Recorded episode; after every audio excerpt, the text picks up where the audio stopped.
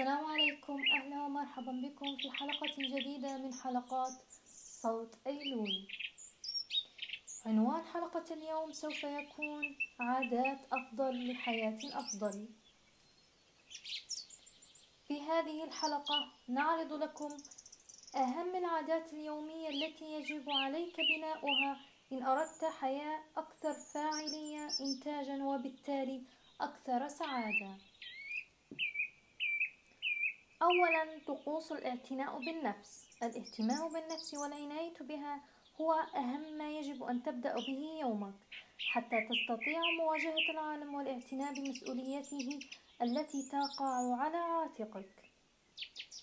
يكون عليك أن ترعى ذاتك وتهيئها وأن تتأكد أنك مستعد نفسيا لبدء يوم جديد.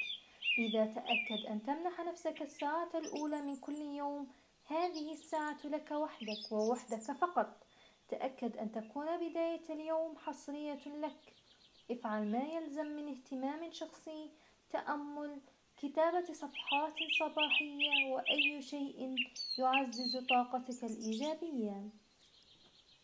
العادة الثانية حرك جسمك. التمرين ثلاث مرات أسبوعيا على الأقل متابعة نشاطك الرياضي. يجب أن تكون ضمن جدولك الأسبوعي لأجل حياة أكثر فاعلية وسعادة. تأكد أن تختار نوع التمارين التي تناسبك وتناسب قدراتك.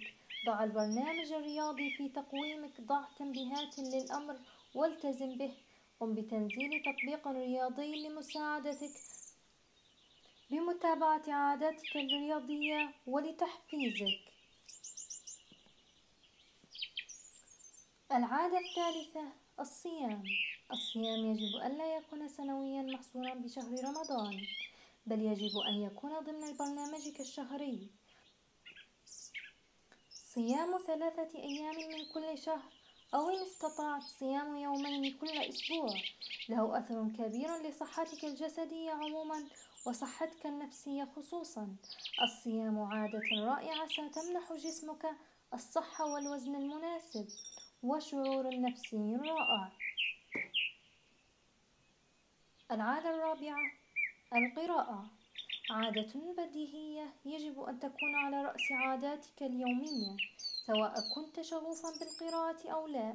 هذه العادة يجب ألا تتخلى عنها أبدا فهي بداية التغيير. بين الناجحين عموما. تعتبر عادة القراءة صفة أساسية ومشتركة بينهم جميعا. لذا تذكر دائما قراء اليوم هم صناع الغد. العادة الخامسة وسع دائرتك الاجتماعية. في بعض الأحيان لا يهم ما تعرفه بقدر أهمية من تعرف. لذا تذكر أن تكون على علاقة طيبة بالجميع ودائما. حاول أن توسع دائرتك الاجتماعية بقدر ما تستطيع. وأما عن تلك الدائرة الاجتماعية الضيقة والخاصة فاختر لها أناسها بعناية فائقة. فأنت عبارة عن الأشخاص الخمسة المحيطين بك والقريبين منك جدا. مراجعة مهامك على التقويم كل ليلة هي العادة السادسة. مراجعة ما على قائمة جدولك لليوم التالي يمنحك شعور بالرؤية وأنك على المسار الصحيح. كل ليلة راجع مهامك. اشطب المنجز منها. عدل ما يحتاج التعديل. وكن على دراية بمخطط غدك.